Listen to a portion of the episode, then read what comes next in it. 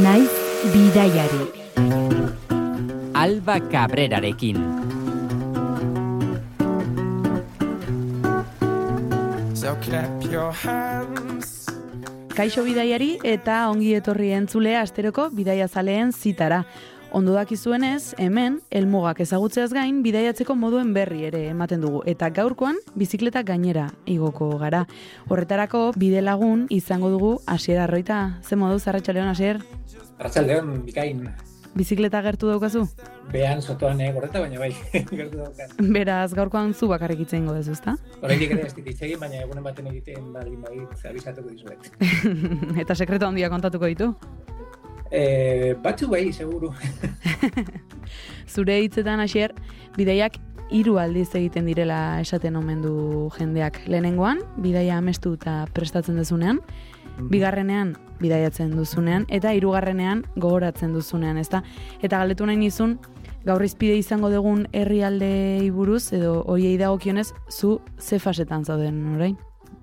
Nik orain e, irugarren fasean, lehenengo fasea hola pizkat salto egin nuen enuelako ondo prestatu, bigarrena gozatu nuen eta orain goratzen e, nik uste dute ja posoa geldituta eta hobeto neurtzen duzula egin zenuena eta, eta bigarrenez gozatzen duzula. Gainera, fresko-fresko gordetzen dituzu memorian, ez da? Dula zenbat egindako bidaia da? Ba, abuztuan eta iraia zean izan zen, eta da, lendabiziko aldiz honi buruz hitz egiten duela, espada nire lagunei pelma emoteko. baina, baina kontatzeko la lehenengo, lehenengo aldia da, bai, eta gustat, gustatzen ari zaila, eta oraindik ere ez dugu bidaia hasi. bizikletan asko bidaiatutakoa zara, eta galetu nahi nizun, ea hasiratik bizikleta berberarekin bidaiatzen duzun edo eta aldatzen joan otezaren. Ba, jende, nik ezagutzen jende asko beti bizikleta berberarekin bidaiatzen duena, baina nik ez dut olako maitasune historia bat nire bizikletarekin, ez eta asko gustatzen zaidan, eta segun eta zerri aldea dan, e, bizikleta ezberdinak erabiltzen ditut. Normalean egiten duena da oso garestia denez, e, e, egaldian sartzea bizikleta bat, e, nik ez da gizatik da horren garestia, baina nahiko garestia ateratzen da, ba, merkea bat eratzen zait batzutan, e, aiatzen nahi zen herrialdera, pues, e, bizikleta bat bilatu, biharneskukoa, edo erosi eta gero biharneskukoa be, bezala saldu, eta lan pizkate diru apur bat berreskuratu, baina hori ba, beti da herrialde komien artean errazak baldin badira, edo ibilbide arruntak baldin badira, edo errazak baldin badira bintzat, edo bidai laburrak baldin badira. Orduan badakite naiz eta bizikleta merkea izan, pues aguantatuko diala, arazoak arazo, baina aguantatuko diala, eta bidai luzeetan bai eramaten duela etxetik nirea. Gora bera, zenbat urte dara matzazu bizikletan bidaiatzen?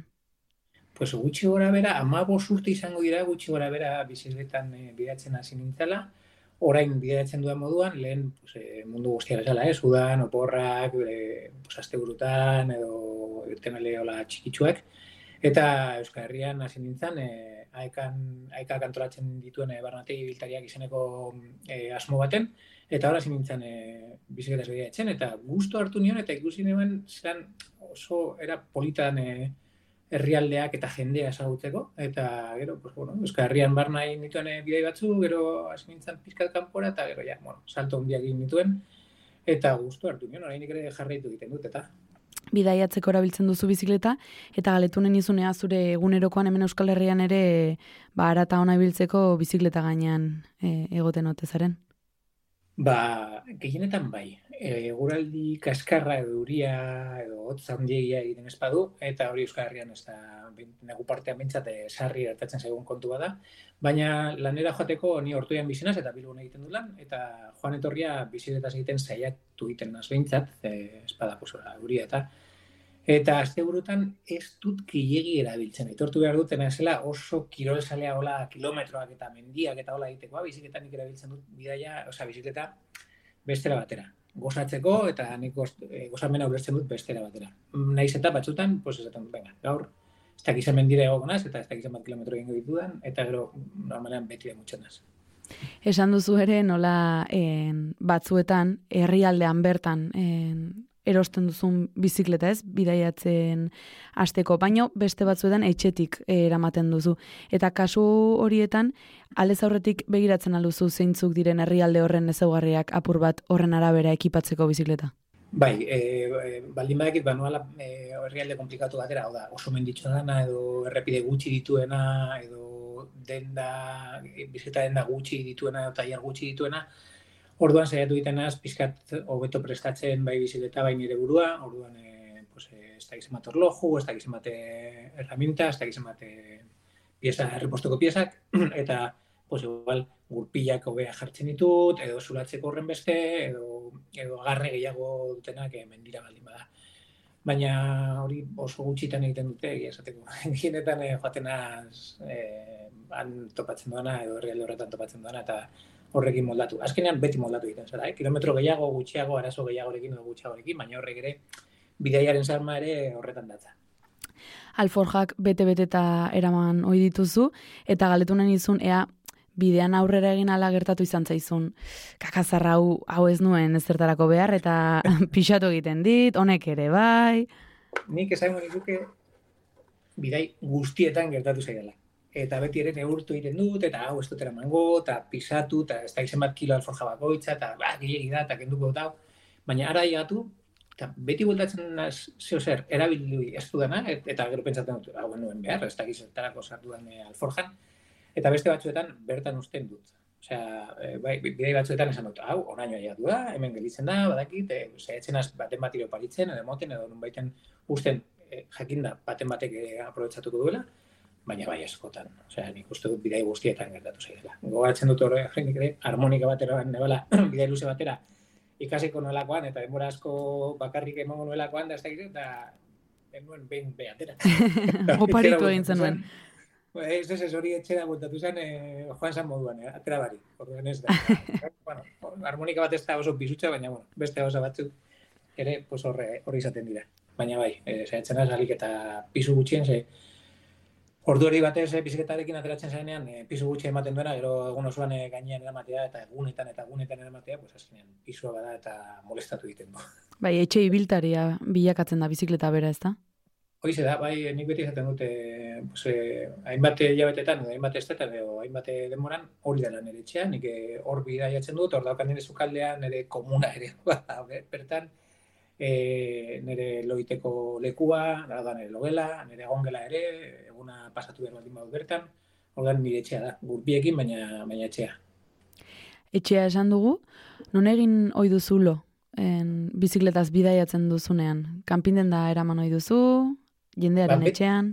Beti eramaten dut kanpinen da gustatzen zaialako independe, e, alako e, askatasuna izatea. E, ez egotea pendiente haber herri, ba, herri batera jatu behar naz, edo ez dakit nun batera jatu behar naz, topatzen malin badazu leku eder bat eta asko topatzen dituzu bidaietan, pues askotan e, pues hemen gerituko naz, ez dut, ez dut zertan hemen iluna barra seguru polita izango da. E, beraz, kanpinen da, beti eramaten dut, e, kriston invento eramaten dut gainean beti ere, eta da, amaka, amakatxo bat. Amaka bat, e, edo non lotu alda iaia, ez duzu apenas e, ez behar, eta teiatupe bat baldin badago, ba, bikain e, urirako eta alako kontuetarako. Pizkatotzagoa da, da, denda baino, baina nik uste dut merezi duela, eta gainera gaur egun badaude batzuk oso harina direla, eta oso e, leku gutxi okupatzen dutenak. Eta gero, bai, pues, e, saiatzen jendearekin harremanak izaten, eta e, ez eh, ez da hori helburua, bai, eh, berain etxetan loitea, ez beti behintzat. Batzutan bai, bai bilatu dut, ze oso eguraldik askarra dagoelako edo oso nekatutan nengoelako edo denako gatik. Baina, bai, eta gero, eh, nik badaukat trukotxo bat, eta eh, erabiltzea templuak. Batez ere, Asia inguruan, pues, eh, templo budistak, hinduistak, eta musulmanak ere, pues, eh, joan, galdetu, eta normalean lo, leku bila baldin bazabiltza inork ez dizu esango ez hemen ezin duzu hori egin.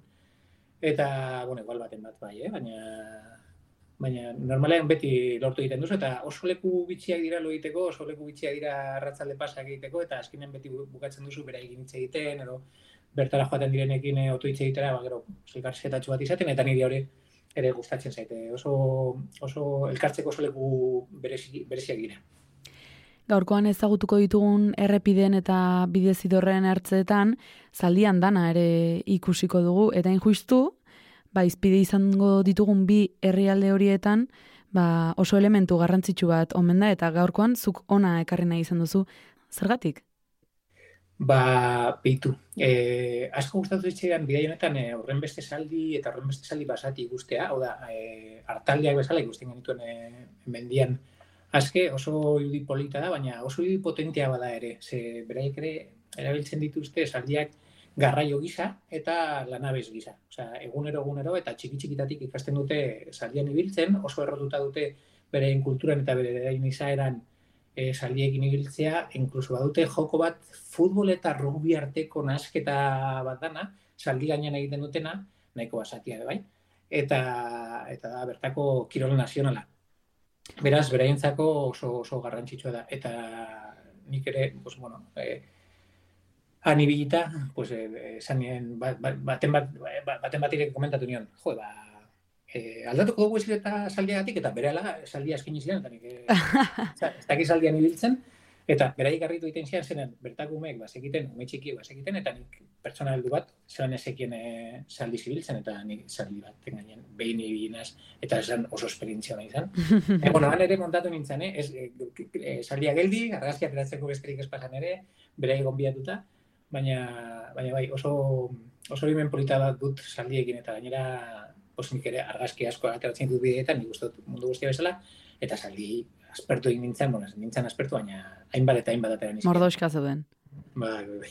Eta, aipatu duzun joko horretan ibili altzinen, futbola eta rugbian hasten direnak, eta zaldi gainean. Ikusi, ikusi men, eta irutu oso jebia. Umeak ere, hemen futbola bezala, umeak plazan ibiltzen diren moduan, umeak ere han ibiltzen dira olakoetan, eta ni oso arriskutu arriskutu irutu zitzaidan, ze saldi gainean, ato aretxe joaten zian, gainera olako ardi larrua undi bat hartu behar zuten, zazpi kilo umek, zazpi kilokoa, eta lurretik altzatu behar dute e, salditik jeitsi, ba, gabe, orduan, imaginatu zelan egin behar duten nola albo batera lurreaino iaia, eta gero, korrikan, e, otrostan joaten dira e, kontrako futbol zelaira edo zelaira, eta bitartean ondokoak edo kontrakoek e, kolpatu dute fustarekin, besoekin, e, hankekin, oso oso Hobe urrutetik ikustea, ez da? Orduan, bai, bai, bai, anje sarrita, gara batekin, eta aski. eta zier, nora joan barko dugu horrelako kirol bitxi honekin topo egiteko, zerri alde bisitatuko ditugu hor?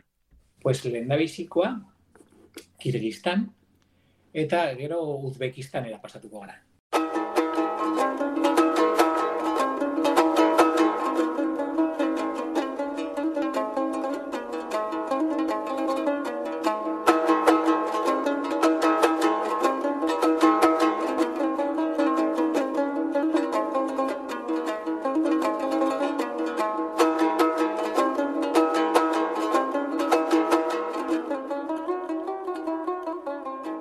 Albaro Rodamundurekin bertan bera utzitako bidaia baten ariari tiraka iritsi zinen zu uda honetan bi herrialde horiek bisitatzera? Bai, ze bien arteko asmoa izan zen eh, aurreko urtean e, burutu beharrekoa, baina badakizu nik, bueno, nik bidaiak egiterakoan pues, seinale egiten diet kasu, ez? E, baldin bada, ez da egite, pelikula bat ikusi eta da herrialde bat iguruzkoa eta gero pues, damako batik agertzen da e, liburuzka bat, edo agertzen da artikulu bat, edo agertzen da berri bat, edo agertzen da ez da egite, ergoan esatzen ba, aurten ara, joan.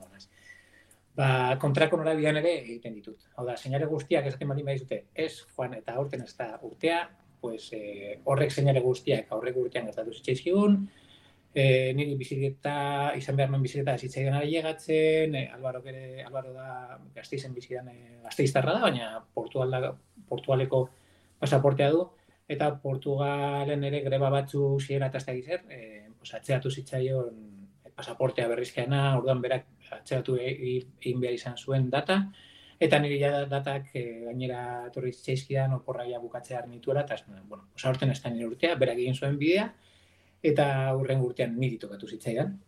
Eta horrela dator, orain kontatuko dugun aventura, ezta? Horixe. Ze salto egin behar dira, Kirgistanera iristeko? Barkatu? Ze salto egin behar dira, Kirgistanera iristeko? Nik, e, ia, ia, zuzenean joan nintzen Kirgistanera, Kirgistan, Udegiztan, Taikistan, eta inguru hori guztira joateko, bai edo bai pasatu behar zara Turkiatik, Istanbuletik, hor bada lotura e, ekialde guzti horrekin eta ekialde urrunarekin ere.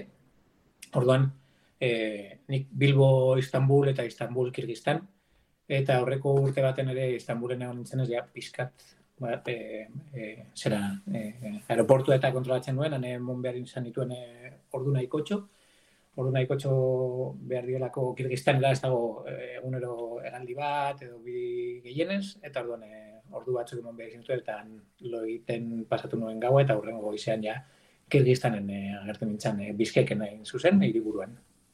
Zu bai, eta bizikleta ere bai, etxetik eraman baitzen nuen. Bai, bai, bai. Oin honetan e, klaba joan zen, e, nirekin batera jatu zen, eta eta bikain. Beti ale egintzen omen zara bizikleta batik ez ordaintzen, hasier. Bai. bai, trukoa gaude, gero denboraekin ikasten dituzu truko batzuk egon badaudela, baina hori lehen aipatu dut, e, asko kobratzen dute e, bizikletarekin bideiatzeagatik, nik nire zait e, ondiru itzen, bakoitzak izango ditu bera razoiak, baina e, bestelako kirol ekipazioekin gertatzen ez da moduan bizirretekin e, bideatzea nahiko garestia da. E, izan diteke, pues, bidea bakoitzeko edo galdi bakoitzeko berrogota mar euro, edo bidea oso batik egun da berrogota mar, edo danakoa, segun eta kompainia, eta zeiatu ditin naz beti ere ez ordaintzen, eta e, lortzen dut. Noizean behin, gehienetan lortzen dut. Eta hola jarraituko dut momentu. Ba, koko gaitezen ez, e, Biskek hiriburura bidean ordoan egazkin horretan, eta Bai. zu barruan informazio liburu bat, Kirgistan iburuzko informazio liburu bat irakurtzen ari zarela, zer Mhm. zenekien lehenago herrialdari buruz? Ba, oso gauzak gutxi egia esateko, eh? Banekien e, nomadak ziela, hori bai, e, realde nomada da. E, ba, zeudela mendi asko eta gaizki pasatuko nuela bizikletarekin bidaiatzen eta gauza gutxi gehiago nekien e, horren inguruan egin nuen e, mapa gainean egin nuen nik ibilbide bat, ibilbide posible bat izan zitekeena, baina nuen gehiegi begiratu eta nuen e, gehiegi sakondu informazioan ze gustatzen zait herrialdetara llegatzea e, apenas igoz, edo oso informazio gutxirekin. Niri hola gustatzen zait bidaiatzea, igual ez da modurik onena, baina, baina niri gustatzen zidan era da. Ze behin irakurrita, dana irakurrita eta informazio guzti izan da, egia da, e, leku zehatz asko bizitatuak dituzla, baina nik nahiago dut jendeak esatea zer bizitatu behar dudan, nora joan behar dudan, edo nik neuk ikustea, eta egia da, pues, gauza asko galduko ditudana, baina beste gauza asko ere irabazi egiten ditut. Orduan, horla ibiltzen az pizkat ekilibrio horretan. Hizkuntza muga izan altzen, bertakoekin e, hitz egiteko. Bai, handia. Ze beraiek ez dute, beraiek kirgiz edo errusiaraz mintzatzen dira, gehienek, bueno, guztia, bate kirgiz eta, eta errusiara, naiz eta beraiek ez duten, eh? Ba, segun eta aldea, beraiek kirgiz direla eta errusiarrak eh, aipatzen dituzte, baina ez ez beraiek kirgiz dira. Eta hizkuntza horretan eh, mintzatu nahi dute, eta ingresa oso gutxi dakite, hosteletan bai badakite, turismo gunetan bai badakite, baina hortik kanpo eta turismo guneak kirgistanen oso gutxi dira, eh? E, hortik kanpo oso zaila da berekin e, ingresez mintzatzea. Niri ingresa ez da be- beste eh? Aitortu behar dut, e, ingresa ondo dakien batekin e, topatu eskera ere, pues, ni hortxe hortxe diko nintzela, baina bueno, e, azkenean berekin harremana egiteko pizkate demora pizkat pasatzeko eta bueno, barre batzuk botatzeko beti dago aukera, naiz eta hizkuntza ezberdinetan izan. Bai ez eta badirela gauza batzuk unibertsalak direnak. Bai, bai, bai. E, batez ere komunikatzeko gogoa baldin badago tartean, e, berdin du hizkuntza, berdin du besteak kirgiz bakarrik e, baldin badak eta ni euskaraz bakarrik aritzen baldin banaz ere, e, elkar ulertuko dugu edo behintzat denbora gozo, gozoa pasatuko dugu elkarrekin. Biskeken lur hartu zenuen, eta narin, narineraino kokatzen duzuzuk lehenengo edapa hasier, bakarrik hasi behartzen nuen bidea, baina aranon murtziako hiru kiderekin ekin zenion. Bai, e, barra egiten du, ze txiste bat moten du, aur, e, azkeneko bi bidaietan e, murtziarrekin topatu nahi izango, ez dakit, e, murtziar asko ez daude munduan bidaiatzen, baina ez dakit nik batzuk topatzen ditut, eta kasualidades, justu aiatuta lehenengo egunean, e, bazuden beste hiru bizikleta hostel berean, ni hasi nintzen ere bizikleta montatzen, eta ondoan ere hasi zian bizikleta montatzen, eta aranun, eta e, e, murtziako hiru lagun, e, beraiek ere bidaiariak eta egin nahi zuten pues, e, Kirgistanen ere horako buelta bat. E, Beraiek ere zuten oso ondo prestatuta, orduan nik erakutsi nien ze bilbide proposamena nuen, beraiek ere antzerako zez ere egin nahi zuten, eta orduan erabaki genuen e, laurok elkarrekin hastea. Naiz eta e, elkar ezagutu ez, eta bueno, zen, bueno, pakto bat egingo dugu, ze badakigu bidaiatzea ezagutzen ez duzun jendearekin, pues ez dela erraza, eta hogeita lau ordu elkarrekin ibiltzea hainbat egunetan batzutan pues, e, gora berak izaten dira. Orduan egin genuen pakto bat, e, aspertzen garenean edo elkarrekin aspertzen bali magara edo denakoa, pues, bakoitza bere bide eta, eta ordura arte, pues, bikain. Eta ez, e, ondo moldatu ginen eta egun batzuk elkarrekin emon genituen. Gainera behar bada, bizikletak ematen dizu aukera hori ez, e, nahi eran elkartzeko eta banatzeko jendarekin. Bai, e, atzena e, hartu nahi duzunean, gelditzen zen momentu bat, eta itzaki bat biatzen duzu, edo edituko naz egitera, edo aurreratuko naz, edo nakoa. Eta orduan, zure kasa eta zure ritmoan ibiltzera pues, e, moldatu al, alzara. Eta horrek ere asko lagundu egiten du. Oinez zailagoa da, oso harin ibiltzea edo oso motel ibiltzea, baina biziketarekin tarteak laburragoa dira, e, naiz eta e, bidea luzeagoa izan, tarte horiek laburragoak aldira, edo bintzat denboran e, askoz be motzagoa dira. Orduan oso erreza da olakoak egitea ba, bizikleta gainera egoko gara, zuek bezala ze, zuek bezala ez, antxe abiatu zineten, isikuleraino, iru murtziar bai. eta euskaldun bat, isikulakoa da titikarakaren atzetik munduko bigarren mendira intzira haundiena, ez da? Hori, xe. E, bai, eta ematen du txiste bat, iru murtziar eta murtziar eta euskaldun bat e, isikulen, ba, bueno, e, araño gaiegatu ginen, ze, ikusi nahi genuen laku hori nahiko e, turistikoa dalako, nahiko ospetsua dalako, eta Kirgistanen ikusteko, ikusi beharreko kontua dela. Ni pizka defraudatu ninduen, eh? Zer, izateko, entzira, bueno, garbia da, handia da, baina e, iparraldeko aldea behintzat, e, iparraldeko gertzu guztia nahiko masifikatuta dago, jende nahiko txibiltzen da, eta nik Kirgistan bestera batera e, imaginatzen duen, leku bakartiak eta isolatuak, eta hau zen, pizkal gehiagi eta naturismoari begira, postuak leku guztietan, errepide bat e, ertze, e, guztia zergatzen duena. Eta pizkatola, e, naztu ingenian, e, bueno, naztu, e, bai, e, gainezka egin zigun errepide horrek eta lekuak, eta normalean zeiatu egiten ginean errepide nagusitik ateratzen eta beste bide batzu politagoak topatzen. Baina egia da, e, lakua, lakutik dauden e, biztak ikaragarriak direla. Lakuaren ertzean bizi alda bat, titikakan bezala komunitaterik? Bai, batzu bizi dira kontua e, gehiago e, kialdean eta egualdean hor komunitateak daude, iparraldekoa nahiko masifikatua dago, nahiko e, betiko kafeteriak eta dendak eta olakoa daude, baina egualdean, bai, gainera egualdean e, posia, ikusten, ikusten dituzu posia, e, hartzaiak, saldi hartzaiak, e, ardi hartzaiak ere, e, alkoiekin eta ibiltzen direnak ere han inguruan ibiltzen dira. Eta e, beraien etxe borobiloietan e, ibiltzen ibiltzen dira. Eta bai, eta gainera, bueno, horre arrantza egiten dute, itxasua nahiko urrun daukat, eta pues, horre arrantza egiten dute, arrain nahi kotxo saltzen dituzte inguruan, eta bai, bai, pulita da, eta, eta gainera jende, segunetan nondik e, ibiltzen zainan, e, jende berezia topatu duzu erakarpen turistikoko puntua izan da, imaginatzen dut, e, ara iristeko errepideako joan etorrian trafiko desenterekin egingo zen dutela topo, txirrendularirik ba altzegoen? E, ez, horre, hor, karakoleraino, karakolen bai topatu nintzen bat, baina lasterketa bat zegoelako, e, zetasko bidea egiten duen e, lasterketa zoro bat, amarra honetan mila sortzirun kilometro egiten duena, eta bueno, eta hor, bai, txirrendulari pilo bat zidela, baina, Kirgistanen ez daude txirrindulari gehiegi. Besteak beste oso menditxo dago. Exigentea, ez? Oso, oso, eta oso, eta e, guk oso biziketa da gutxi topatu genituen. E, nik partxe batzu behar nituen, eta oso batzu behar nituen. Eta bizkeken eta karakolen, baina e, gainontzeko lekuetan ez egoen e, apenas e, biziketa dendarik. Beraz, e, umeak bai ibiltzen dira, baina ez gehiegi ze gainera e, errepideak ez daude asfaltatuta, e, zulatu egiten duzu bere ala, ume asko tortzen zian e, gure gana, izu konpondu dira zu biziketa, eta igual, kurpia zituen, e, eta mar zulo edo, ez da, hmm. eta ezin esko asan, orduan ez, ez, ez, ez, ez, ez, ez, askorekin elkartu. Beraz eta errepide zabal horretan automordoska bat tarteka ateratzen zineten esan duzu errepide nagusi horretatik eta bidezide horretatik joaten zineten eta han kirgiz jendea ezagutzeko aukera izan zenuten?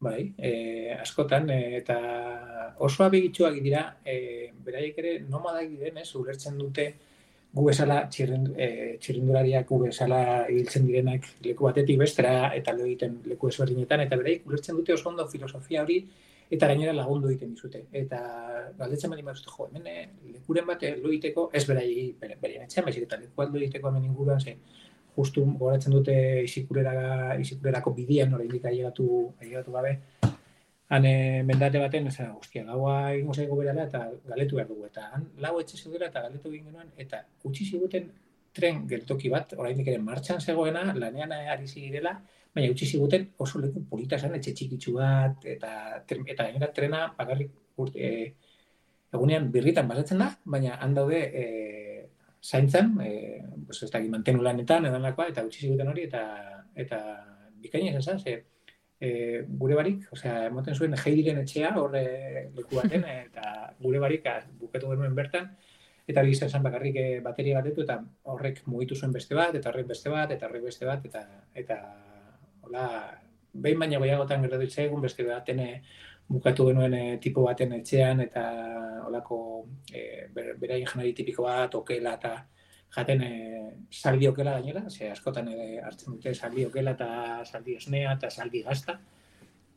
Eta e, aukera nahiko txizan ditugu beraiekin e, onako tartetxoak edo txai bat hartzeko edo te bat hartzeko edo nagoa. Aukera asko izan ditugu beraiekin partekatzeko. Joera aldago oraindik bizitza nomada hori mantentzeko dotaia toki finko batean gelditzen aldira jo, ba, nik uste nuen hori ja basala garaibateko kontu bat, baina oraindik ere e, egiten dute, gero eta gutxia egiten dute, egia da, gero eta erosotasun gehiago badakizu, e, gure egoera egoera moderno honetan, gero eta erosotasun gehiago, baina oraindik ere ibiltzen dira e, e, beraien txolak eta montatzen eta, eta desmontatzen nik ikusten duen pues justu e, nik egin nuen handik uda partea ja bukatzea errabizala eta orduan bai ikusi duten batzuk e, berain e, etxalak desmontatzen, bi ordutan desmontatzen dute, e, sartzen dute kamio baten eta eta jeristen dute baiarara.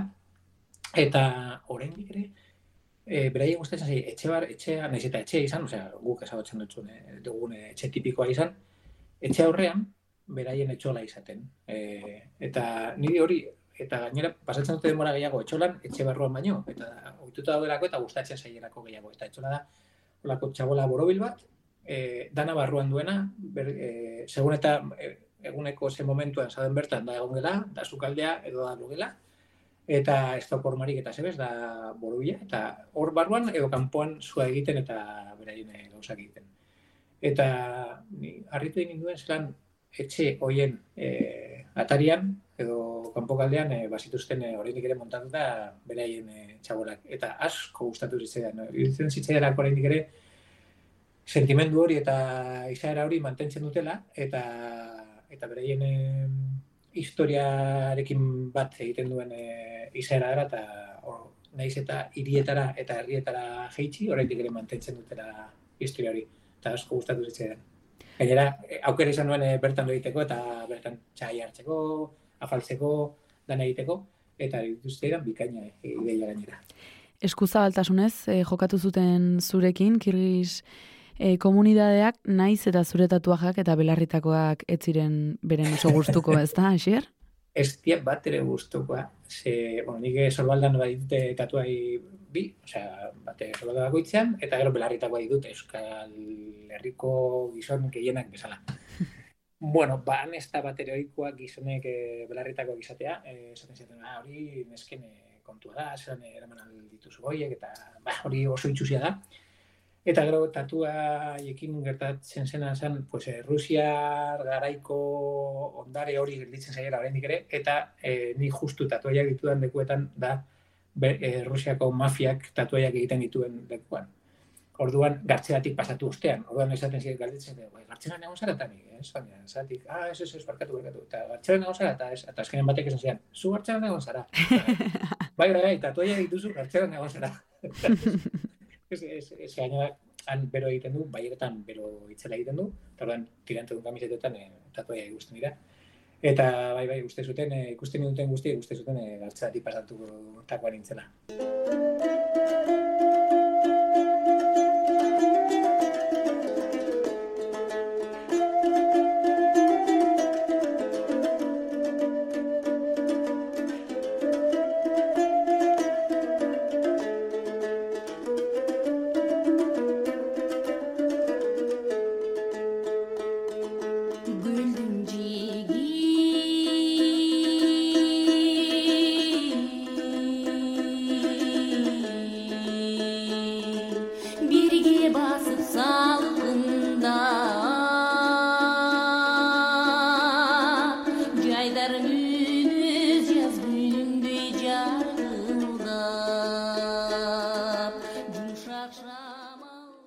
Justu e, musika honek goratzen dite momentu niretzat e, berezia, e, banengoen e, sikuleko lakuan, e, beste iparraleko ertzan, e, beste, beste ertzan ikusten zan, tian zan mendiak, horre glasiarrak, dana elurtuta, eta ni pentsatzen, buah, araño ego behar dugu, fuah, giritzen zaigun arainik ere, lau mila metrotara igotzeko, hau horra izango da.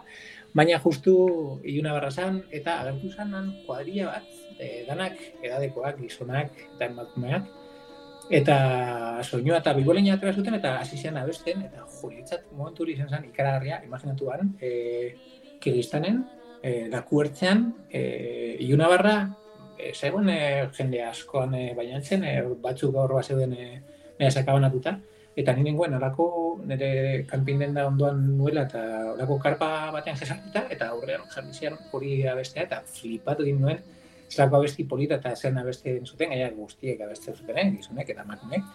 Eta oso oroitzapen polita dut, ze hori, esan bezala, e, lakua, musika, ni bakarrik, e, beste aldean e, mendiak eta eta menete, ostia. Beitu non sartu nazen, beitu non sartu naizen, baina, ostia, momentu hau ez dit inorken duko.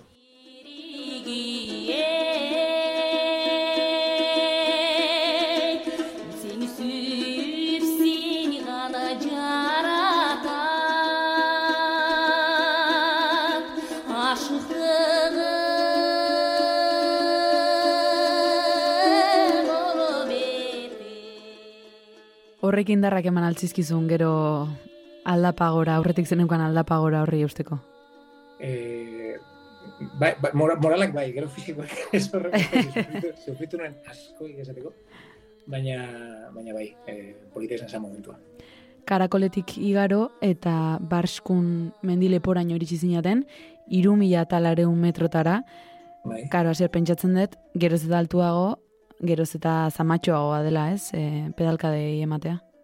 Bai, gainera bidai, bide hori esan bat ere gozoa izan, e, bertaraino igotzeko bi egun eman genituen, eta bi egun, bi egun osorik eman genituen iaia, e, oraino, ja, bas, arratzalde, pa, arratzaldeko lehenengo, lehenengo orduetan aiatu ginen, bigarren eguneko lehenengo orduetan, tartean e, bidean e, lo egin genuen ba, abandonatuta zegoen e, etxola baten, eta gainera bidezka hori ez dago e, asfaltatuta oso malkartxoa da e, lapaz eta e, biurgunez beteta eta kamioi ez beteta. Baina ikaragarrizko kamioi hilarak egoten zian eta dana da, pues, goian e, urre meategi bat dagoelako, gutxi gora bera, lau eta piku metrotan, eta pues, bertara egotzen dute dana. E, bai, gasoleoa, ura, janaria, langileak, e, eta gero imaginatzen dut, ateratzen duten urre guztia ere garraiatuko dutela. Eta han, kamioiak ezin dira gelditu, ze gelditu eskero ezin dute aurrera egin, orduan e, e, abiaduran joaten dira denbora guztian, gu txikiak oso txikiak gara biziketak, biziketekin e, kamioien aldean, eta egunez eta ez da gizien bat orduz e, kamioiek pasatzen ikusi genituen, ikusi, eta jan, ze altzatzen zuten hauts guztiak guk jaten genuen atzetik, eta bereik batzuk saiatu egiten zian gu ez oztopatzen, gu bereik ere ez oztopatzen, baina, baina esan erraza izan. Hautsak etzuen laguntzen aldapagoran. Ez bat ere ez. Baina lortu zenuten. Bai, bai, han agertu ginen, bua, eta zerako, baina, bueno, bitu, eh, han ere agertu ginen eh, urbarik, ja, ur guztia gortuta genuen, uste genuen editurriak egongo zela, edo errekaren bat egongo zela bidean, baina, keba, eh, meategiak dana hartzen du beraren eta han aragora igo, eta han eh, guardiak eta bazeuden eh, zaintzaileak edo, bueno, eh, eta, u- berai, eta ura, eta hasi zuten e, ura emoten leku guztietatik eta eta hori ere eskartzeko bazan, ez? E, araiatu ginen ja le, seko. Hori zen zuen saria, ez? Ura. Bai, ura. Bitu zesari tontoa eta zenbat eskertu genuen, eh? Ura, eta horretik ere gogan dut, ostia, ura eman ziguten, ura eman ziguten. Zeinari e, e, e, ez diozue, e, eskatzen duen nari zelan ez diozu ura emango, ez? Baina nik ere, oraindik ere, horitzen dut, eta, ostia, ura eman ziguten, ze bikaina. Alegin fisiko hori egin ondoren, narin ibaiaren ertzetan egon zineten, ez? Egun batzuk igarotzen eta Bai, pixka atxeden hartzen, merezita. bai e, araño egotzea kostatu zitzaizkigun pare bat egun eta handik ateratzea, gero baiara horretatik ateratzea, kostatu zitzaizkigun beste hiru lau egun, baina ja gozoa gozan e, aldapan bera zaldiak leku guztietatik, e, e, onginan lau bost egun apenas e, jendea ikusi barik, bakarrik e, hartzaiak bertan zeuden hartzaiak, e, ez dago, ez egon bertan herririk ez e, antzekorik, jurta sakabanatutako jurta batzu bakarrik, eta hori biginan, eta egia da, pues, hartu dira, baina gozatu egin ere, eh? E, oso, oso leku polita da. Uda, uda, udazken partean joan zara, ez da? Bai. Zer nolako temperaturak dazkazue?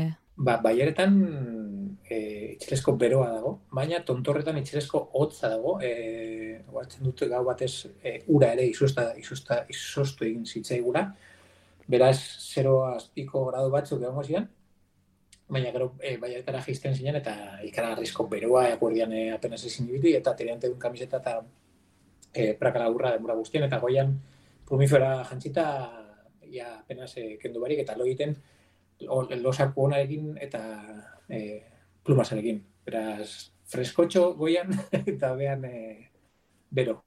Beraz, denetarik eh, eduki bartzen nuen, alforjetan? Bai, bai, bai, hoize.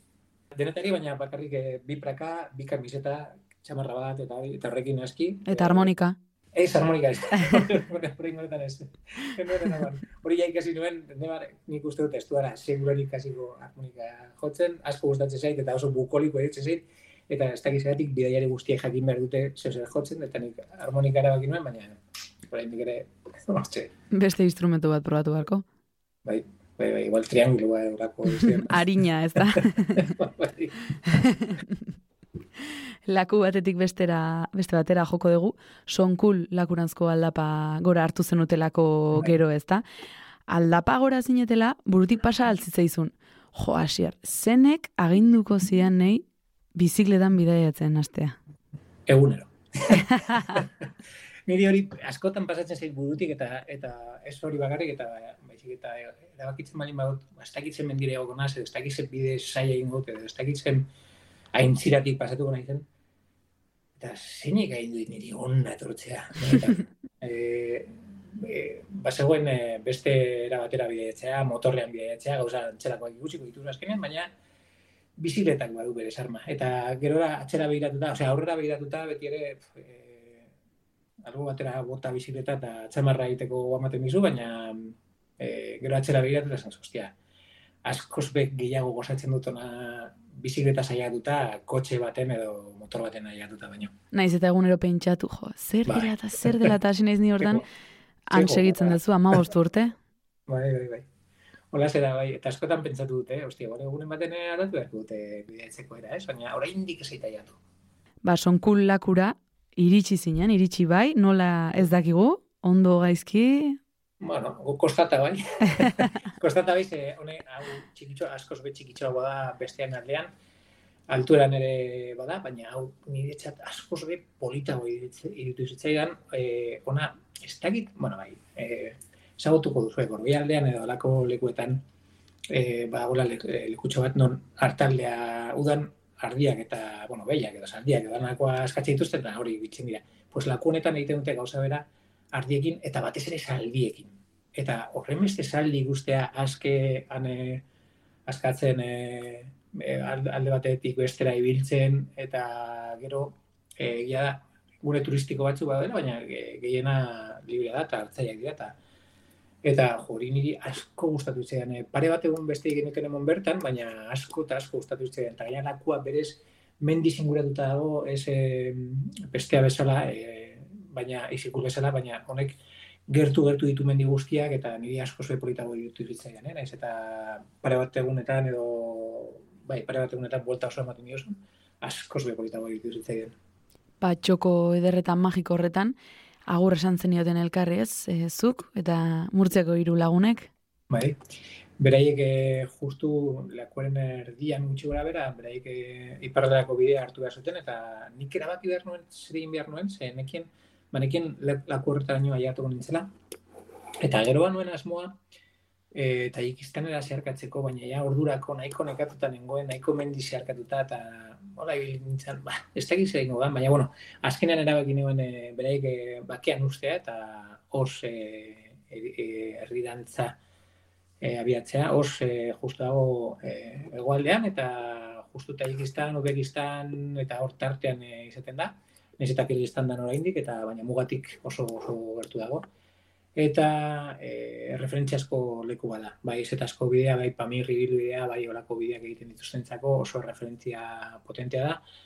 E, bat oslako e, bideari asko Uzbekistanetik edo Tajikistanetik, edo bagoazlako asko Kirgistanetik Uzbekistanera edo Tajikistanerako bidean. Eta hor elkartzen dira danak. Eta, bo, ni ara jagatu nintzanean, justu, e, bueno, pare bat egun hartu nituen atzeden, ja nahiko fizikoki nahiko kaskatuta nengoelako, Baina ni nengoen e, aterpean, e, josterean, basoten beste amabi bizikleta nire abarne, e, parte pare bat motor eta lan, baina bakoitza bere bidetik etorrita. Hau da, e, bueno, bikoteka edo banaka, baina ez esan talde handi bat, baizik eta horrek hartutakoak, eta antza, pues, hoster hori ospetsua da txirrindurari eta e, artean, eta den batzuk, eta amabi bidaiari topatzea hiri e, berberean, momentu berean, ez da bat ere erraza, eh? Joan eta etorri, etorri eta joan, batzuk en, iparralderuntz, beste batzuk egoalderuntz, kosta oh, egiten alda, ez, e, kasu hontan, murtziako hiru kide hauekin hainbat egunez bidaiatzen egon ondoren, batean zure burua bakarrik ikustea? Bai, eta ez. Ze, banekien, e, aziratik, pues, e, bukara bat izan zuela, eta bidai osoa elkarrekin ez genuela egingo, eta niri asko gustatu ziren bere egin bidaiatzea, asko lagundu duten ere, ze, hasiera baten ez jo, Kirgistan, bakarri, buah, izkuntza, ez dakiz, ez dakiz, no, ez dut inorrekin hitz egingo, ez dakizen bat egunetan, baina, bueno, azkenean topatu nituen, topatu nituen eta bitu, oso ondo pasatu gonen elkarrekin, baina gero, bakarri bidaiatzaiak ere, emoten dizu beste askatasun bat. Da, zure ritmoa, da, zure naia, da, zure gogoa, ez duzu inorrekin ez ebes negoziatu behar, ez zer baskalduko duguzun, ez zer ordutan, ez kafe hartuko duzun, ez gerituko zaren, ez deus ere ez.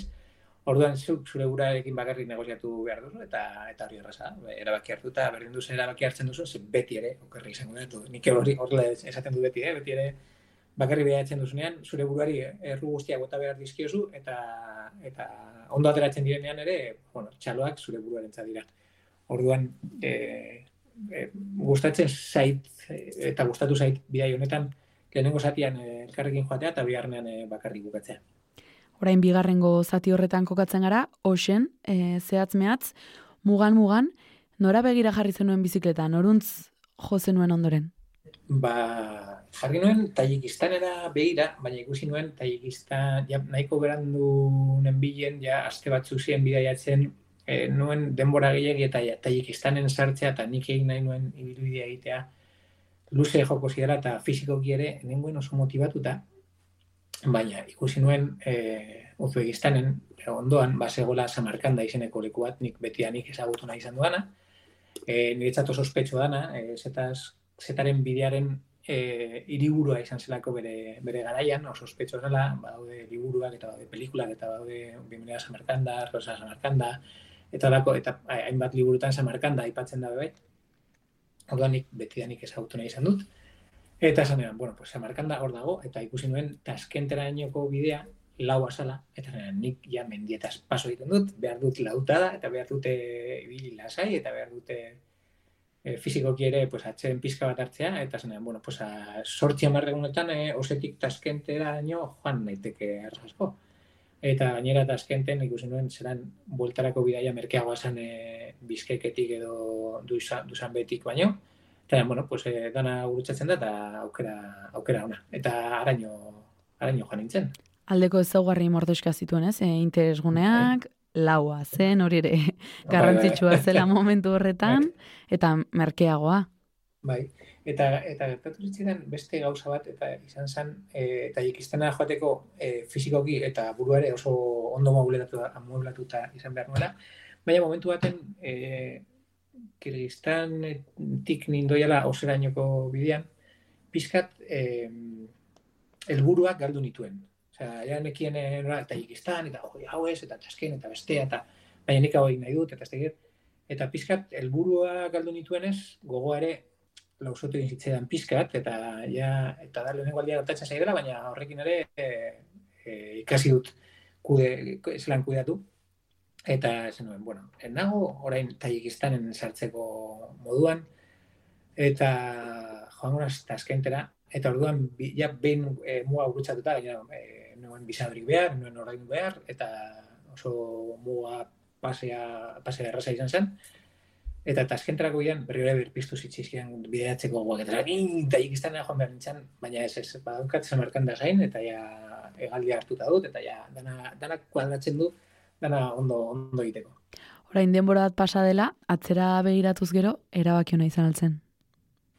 Nik uste dut hartzen diren erabaki guztiak onak direla. E, esaten bali baina zua, bestera batera egingo nukeen orain momentuan, ni orain gaur egungo asier, asierrek zaurenik e, bestera batera egingo zuen. Ze ez da bakarri fisikoa bizik eta emozionalki edo, edo zelan sentitzen zaren, edo biziketa gainean zelan sentitzen zaren bebai, eta bain fresko nagoen ez eta nagoen ez oso matxak eduta segurenik e, taik erako bidea hartuko nuen. Eta segurenik okerra izango zen, eh? Zeibiliko nintzen apuratuta, ez du, denbora barik, korrikan, eta nuen e, gozatuko e, bidea, bidea jau gozatu nuen beste. Momentu horretako asierrek, taskienterako bide hartu zuen, e, denbora bai. mugatua zenukan, baina uste baino bai. lehenago eritsi zinen. Bai, ze, claro, ba, menditik, eh, ez dakizen bat, mendate egunero, igo, eta jeitsi, eta gero konturatu nintzen Kirgistanen, ez dagoela, bueno, e, Uzbekistan, ez, ez dago, bueno, Uzbekistan ez dituzako behar, baina Kirgistanen ez dago e, tunelik.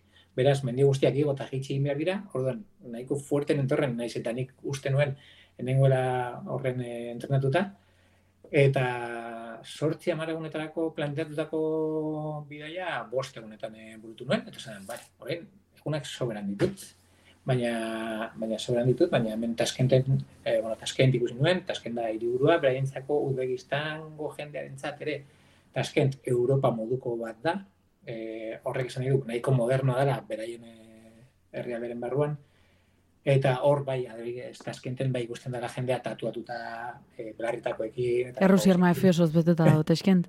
Hoize. eta, eta ikusten da, arruntagoa da, eh, emakumeak ere e, gona, edo, gona laburrekin ikustea, eta oran, ze, hortik kanpo nik enitu ikusi. Eta, eta esanen, bueno, tasken ja ikusi dut, ez asko gustatu ez dago, e, oza, e, askorik baina esa markanda bai, markanda hor nuen belarria jaten, eta esanen, bueno, baina horrein honetan, egun gutxi ditudanez, nahi agut, e, esa markandan e, agortu egunak biziketarekin bidaian e, emon, emotea baino, eta, bueno, taskenderu gutxiko dut e, biziketa eta tren hartuko dut, e, esa markandarako bide hartzeko, nahiko bide luzea da, baina oso, trena han oso, oso oso merkea da, taskenten bebai eta metro eta, bueno, garrai publikoa oso merkea da, oso hori oso dago, eta aukera asko maten ditu mugitzeko. Eta hori, tren hartu eta samarkan dara. Liburuetan bezain txundi garri alda? Nik esan nuke leku batzuk baietz. Eta gainera pixka irakurri baldin baduzu samarkanda eta setaren bidearen inguruko haren gainean, Ostia, imaginatu alduzu, aldit, azten za imaginatzen gauzak eta zen izan ziteken eh, bizitza garai baten, eta ikaragarria da, ni bertako plaza nagusia, samarkandako plaza nagusia, ikaragarri gustatu zitzaidan ikaragarri handia da.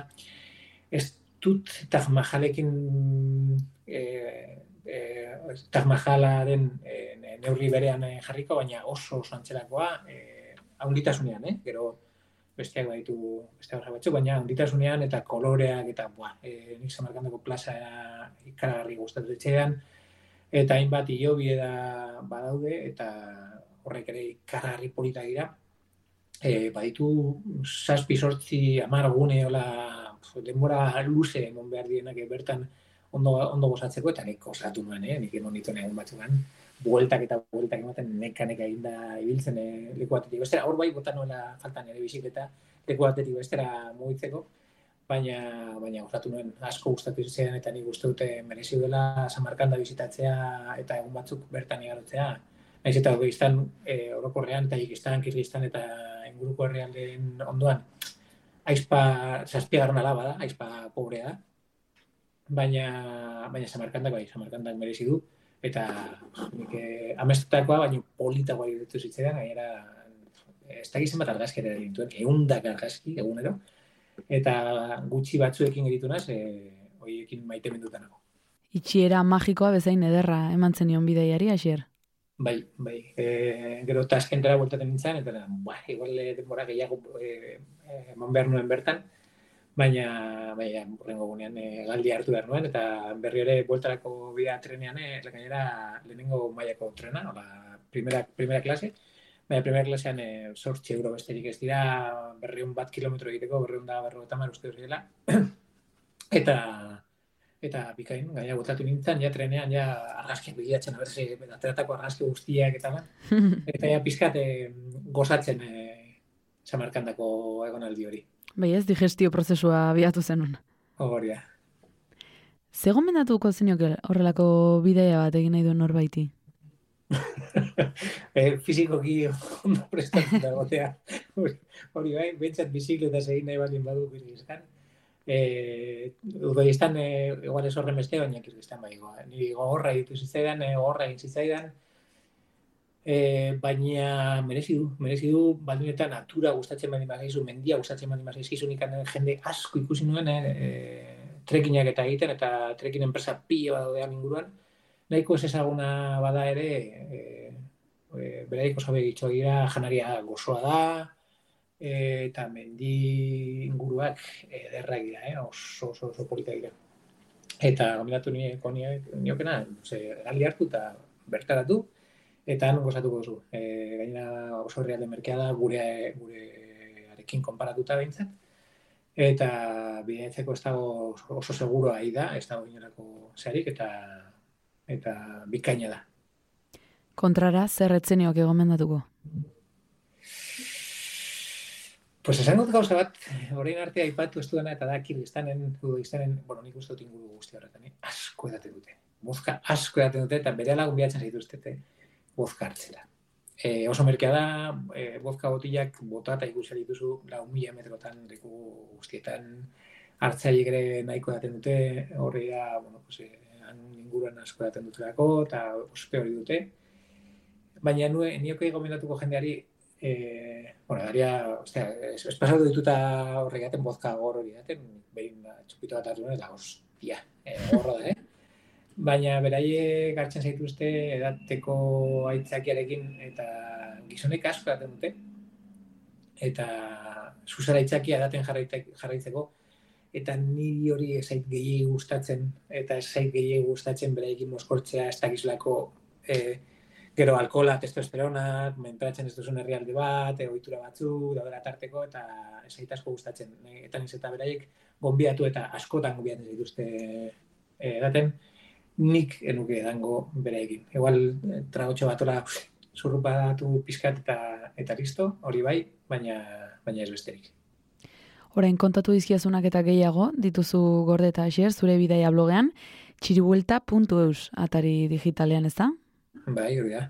E, hori hasi nintzen egiten ama lasai gelditzeko, ze beti ez ba, seme honek egunen baten eh, disgusto baten mongo dit. Eta zen, bueno, pues amari erakutsi behar diot e, dizkiot nire bidaiak. Eta gainera erakutsi behar diot iaia zuzenean. Baina bakarrik erakusten diot, eta ez, ez dakio euskaz, baina gero jobek e, egiten diot, eta dana irakurtzen dute. Baina bakarrik kontatzen dut, bideetan kontatzen den bezala, alde honak eta alde txarrak ez dizkiot kontatzen eta ez dizkiot erakusten, ze bestera igual ez ditutziko bideetan joaten orduan e, hortze dagoen guztia gozoa da, baina daude beste zatitxo batzuk horren gozak ez baina, baina gutxi dira. Eta bertan egindako bidaia guztien kronika biltzen duzu? gehienen abai, hasi nintzen noen dira urte batzuk hori egiten, e, ariket, nire, nire ariketa pertsona moduan amari erakusteko, eta nire, nire gero ere gogoratzeko, gero batzutan, ja, ez, da, ez dut gogoan izaten noni agon nintzen zer gertatu ziren, eta noizean behin, sartzen naz, nire arraskiak ikustea, eta orduan azten az gogoratzen, ah, eta hemen, hau zer gertatu ziren, eta hemen bestia, eta hau, astuta nuen, eta hori ariketa polita da momentuan idazten dituzu, bizi orduko idazten dituzu, eguneroko gisa, edo eta behin Euskal Herriratuta memoriarik eta hitzela egiten duzu horiek denako gora gartzeko? Oso, oso memoria txarra dut, eta freskoan, freskoan idazten dut. E, eta noizean behin askarregi eta gaizki eta da, baina bueno, gero Euskal Herria guetatzen ezin orduan zuzentzen ditut, eta estruktura pizkat modatzen dut eta baina, baina freskoan e, zehatzen naz e, asko idazten, nahiz eta beti ez duan lortzen. Eta beti zehatzen naz bertan nagoela idazten, osea, bain dik fresko dudanean idazten. Zer, uste dut ere sentipenak eta bizipenak momentuan desberdinak dira. Gero, ja, behin e, e, digestioa eginda eta gozatuta bestera batera ikusten dira. Digestioa aipatu duzu, merkatuek txoko berezi bat daukat, etxiriguelta.eu satari digitalean. Bai, eske oso, bueno, ni asko gustatzen zait eta asko gustatzen zait ez jatea bakarrik, bueno, euskatu guztia uste dute gustatzen zaigula janarien inguruan dakogune kultura hori ere, polita da. Eta nik lekuetara eto, lekuetara igatzen izenean, asko gustatzen zait mer, bertako merkatuak ez e, gidetan agertzen dien merkatua, merkatuetara joatea baiz, eta merkatu arrun batera. E, herriko merkatu hartu eta eta sartu eta ikusi. Eta hor bai ikusten duzu bentan pulsua, ze herrialde horrek ze pulsua duen, ze jendea dagoen e, elkartzen zara bertako e, etxeko andre eta etxeko gizonekin, batzuk saltzen, beste batzuk erosten, e, azten zara galdetzen e, zer da hori, hori jatekoa da, eta igual lari zara hemen e, galdetuko bali gute, zer da hori, laranja bat, eta jatekoa da, hombre, pues, zertarako izango da, e, laranja bat, ez? Pues, gauza bera, eta bere flipatu egiten dute, egiten duen turista batek, bertako merkatu baten. Eta baina polita, oso polita iruditzen zait, eta asko gustatzen zait. Eta gainera eukitz- eukitu alizatea produktu guztiak, jendearekin eh, galdetzea nola doala, zer da nau, eta askotan joaten hasi jakin barik, eh? Eta hori, gauza eta ez dakiz, ez dakiz zer zan, eta ez dakiz jatekoa ba zan ere, edo edo pozimak egiteko zan, edo ez dakiz zertako izango te zan, baina, baina bai, asko gustatzen zait, eta bai, txoko berezia eskaintzen diete merkatuei. Horrela gainera herrialdeak ere ezagutu daitezke, ez? Merkatuetan, janarien bidez. Bai, nik uste dut baietz, eta herrialde asko gu bezala badute olako e, kultura gastronomiko bat. Beste batzuk ez, eh? beste batzuk oso arruntak dira, oso simpleak eta jat, jatekoa da gasolina eta aurrera jarraitzeko. Baina beste askotan ba kulturatxoa eta, eta niri gustatzen zait horretan eh, murgiltzea pixka ere bai. Kirgistan eta Uzbekistan zapaldu berri, zein da Asier Erroitaren urrengo jomuga? Ba, justu azkeneko bi astetan eginaz horrekin bueltaka. Baina, e, bueno, lehen bizikoa urrengo urtean, izango da e, saporeak e, elkartearekin e, bolondrez lan batzuk e, lesbos aldeara joatea eta han egin, e, hiru bat astez, e, uste dalako gainera gora estena bat ere gozoa, gustatzen egian e, Israel zapalkuntza horrekin.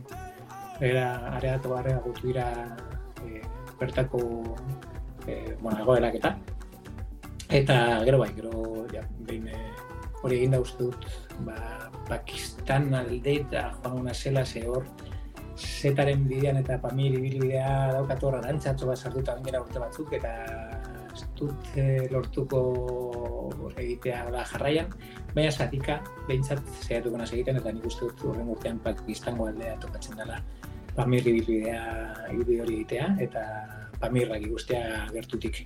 Bizikletan. Alba da bai. Ba, Asier gertutik jarraituko ditugu zure pedalkadak aurrerantzean ere. Eskerrik asko, mendiotatik zintzilik dauden herrialdeak erakusteagatik, Asier. Zuei eta bentan placer bat izan da zuekin izketa hau eta bidaia goratzea ere. Nahi dezunen arte. Berdin, gero arte. Gaurko saioan maldan gora aritu gara, pedalkadaz pedalkada, beraz guri ere, ba iritsi zaigu, ez, saio bukaera edo atxeden hartzeko momentua. Dena dela, badakizue hemen izango garela, astero astero, abentura berri batekin, eta noiz nahi, nahi zirratiko bidaiari saioan, puntu eusatarian eta podcast plataformetan. Bide bat entzule, mikrofon aurrera salto egin nahi bali mauzu zure bidaia partekatzeko, badakizu oso erresa daukazula. Idatzi bidaiari abildua puntu euselbidera. Eta antxe izango gara gu beste aldean zuen zuteko prest. Bidaia hon izan bitartean, aio!